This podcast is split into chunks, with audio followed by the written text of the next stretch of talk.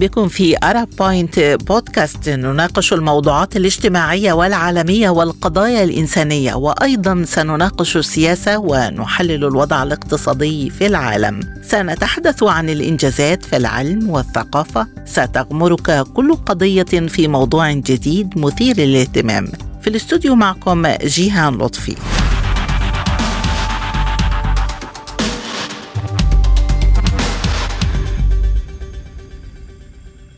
أهلا بكم في حلقة النهاردة من أرب بوينت بودكاست ومعاكم جيهان لطفي.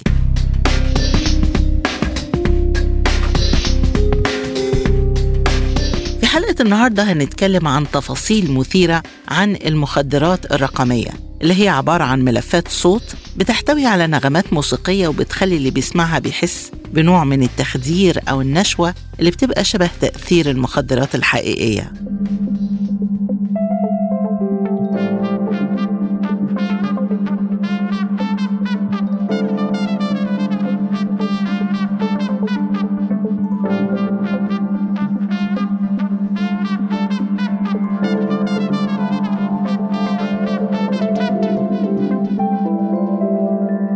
اللي إحنا سمعناه ده مقطع صغير جدا من موسيقى بتمثل نوع من المخدرات الرقمية لكن تمت معالجتها فنيا هنا في الاستوديو بحيث ما تعملش تأثير ضار.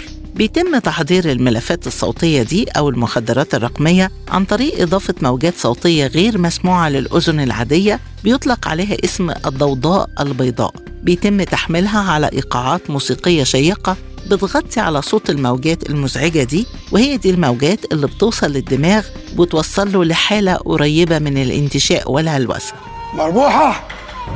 مربوحة! أوه. يا مربوحة! اهدى! انت صحيت! صباح الخير يا جوني! الراوتر إيه؟ الراوتر فين الراوتر؟ الراوتر آه الكبير دسه آه من ساعة ما قطع النت من على الدوار. أنا عاوز أقول يعني فين فين فين؟ ما أنتوا بتدخلوا بتدخلوا إزاي على الإنترنت؟ بتدخلوا إزاي على الإنترنت؟ اسكت ما إحنا ما بنخشوش. كذابة. أنا كذابة؟ الله يسامحك يا جوني. آه وبعدين أنت بتسأل ليه؟ هو أنت مش قلت إن أنت مبطل؟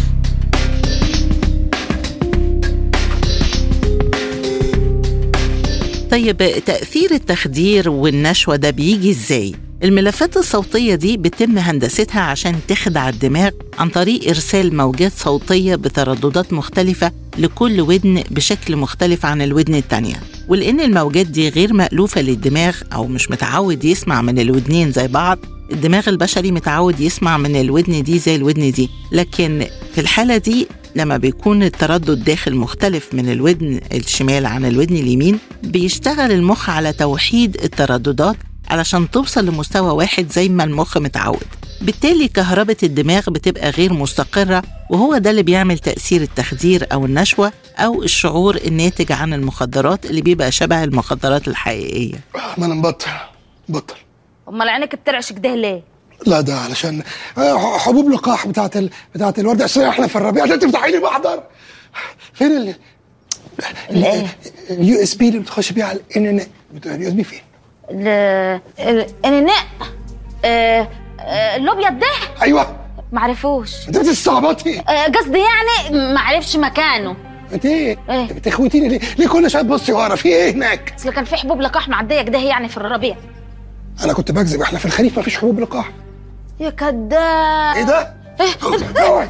يا جوني استنى والنبي يا جوني استنى يا جوني انت انت انت بتحكي في أي حاجة وخلاص. استنى استنى. لا لا جوني أوه. my God my baby I miss you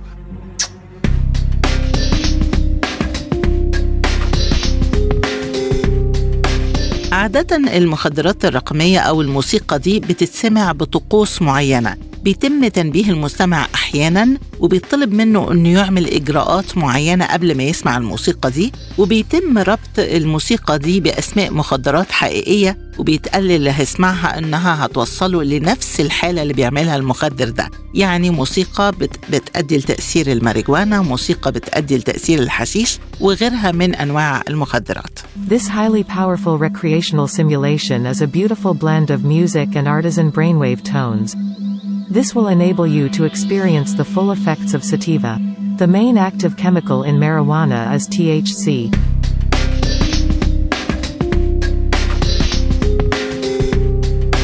بداية قصة المخدرات الرقمية دي كانت سنة 1839 لما اكتشف الباحث الفيزيائي هنريك ويليام حقيقة مثيرة جدا أثناء دراسته الموجات الاستيريو الصوتية.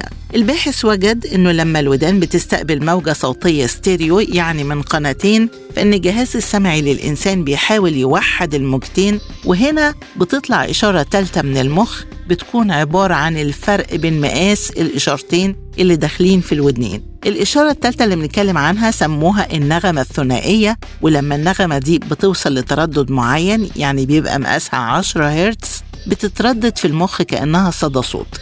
التردد ده أو صدى الصوت ده بيعمل حالة من عدم الاتزان داخل المخ أحيانا بيوصل لغياب كامل للوعي وتمام ده زي ما بيحصل بالظبط في أنواع المخدرات القوية. بمجرد ما الإنسان اللي بيسمع بيتعود على النوع ده من الموسيقى ويحس بإحساس السعادة المصاحب ليها يبدأ المخ يشعر بنوع من السعادة أو المكافأة وبعد فترة بيحس الإنسان إنه مش قادر يستغنى عن الموسيقى اللي بتسبب له إحساس المتعة ده.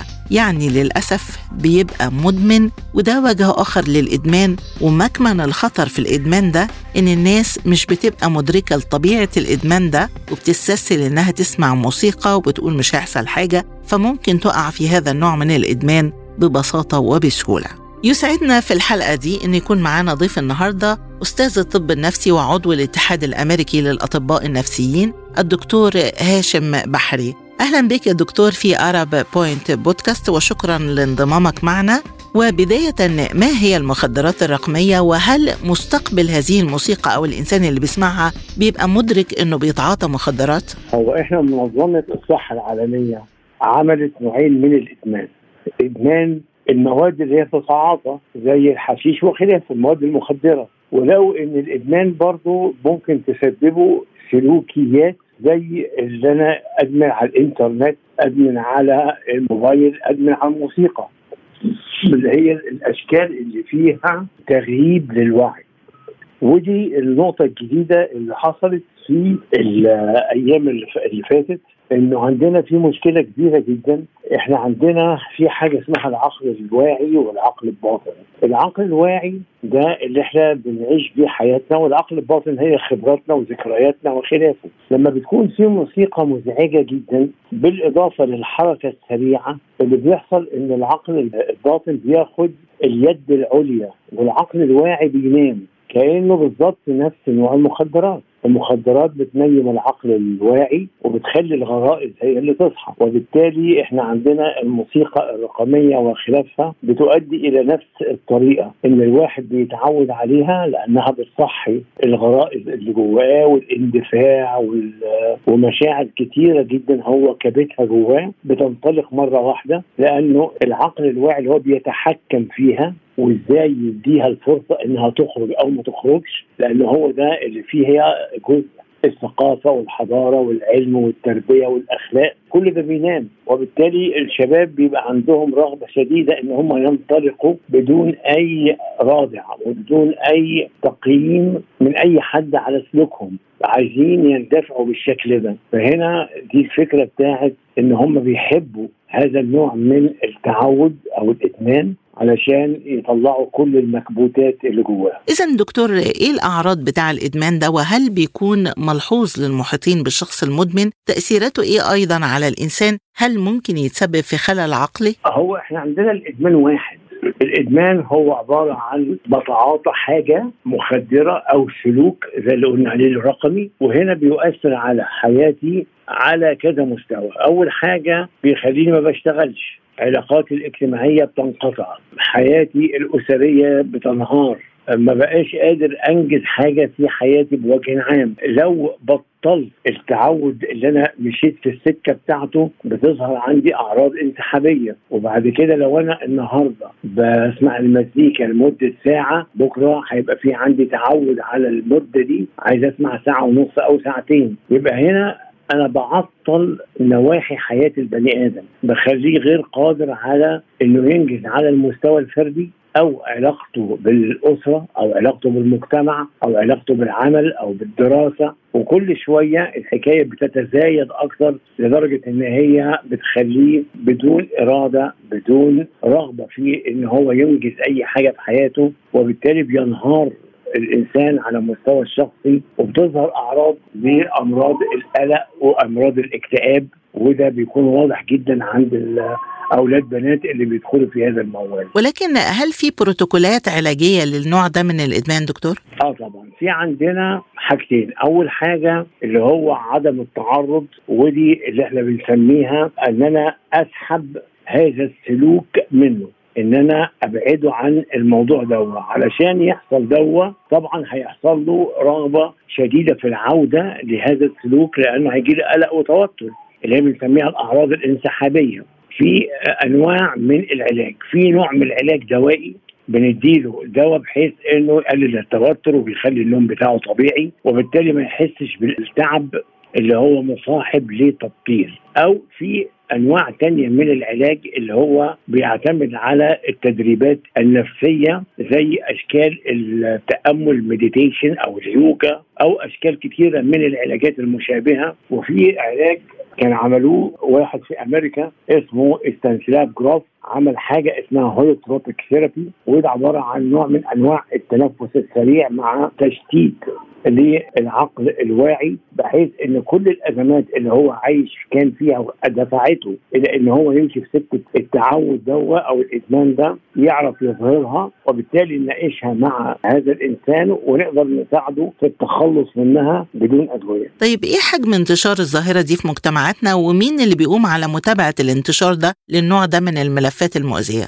لو إحنا اتكلمنا على الحفلات اللي بتبقى فيها أعداد ضخمة جدا من الشباب ولكنها الحفلات دي بتبقى موسمية. يعني مثلا هتجدي إن كل شهر أو شهرين ممكن مثلا يتجمع 20 30 ألف واحد من الشباب وبيقعدوا يسمعوا موسيقى ويقعدوا يتنططوا وحاجات زي كده. ده العدد الضخم اللي بيكون بيلفت النظر. لكن في أماكن بتبقى الأعداد فيها قليلة زي مثلا أماكن للموسيقى ده هي يبقى فيها العدد 50 إلى 70 80 واحد. ودي بتبقى منتشرة شوية لكن بوجه عام الأعداد ما هياش ضخمة جدا. المشكلة الوحيدة فيها إنه حتى العدد وهو قليل الأهالي ما بيكونوش واخدين بالهم إن اولادهم بيقعوا في المصيده دي. لأن هم بيكونوا متخيلين إن هم بيسهروا مع أصحابهم بيسمعوا شوية مزيكا وبيرقصوا مش عارفين إن اولادهم بينزلقوا في مجال الإدمان. فدي الخطورة إن اللي بيترددوا على العلاج بيكون عددهم قليل جدا لأنه الولد مبسوط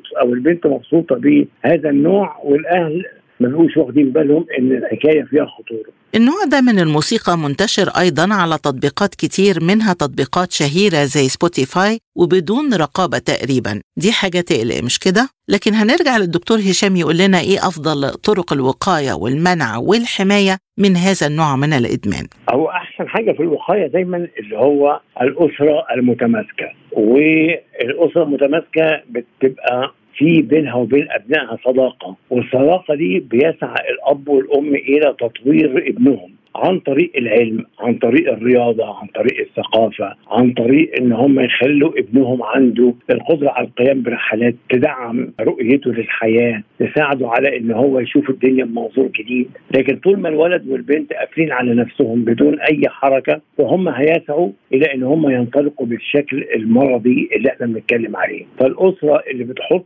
قدام عينيها مصلحة أولادها في الحقيقة بتبقى بعيد جدا عن هذا النوع من الإدمان. شكرا جزيلا أستاذ الطب النفسي وعضو الاتحاد الأمريكي للأطباء النفسيين. كنت معنا من القاهرة الدكتور هاشم بحري. شكرا جزيلا لك. قطر الحياة بيعدي بسرعة سنة في سنة في سنة وأنا زي ما أنا من لما كان عندي سنة. هي هي الحياة هو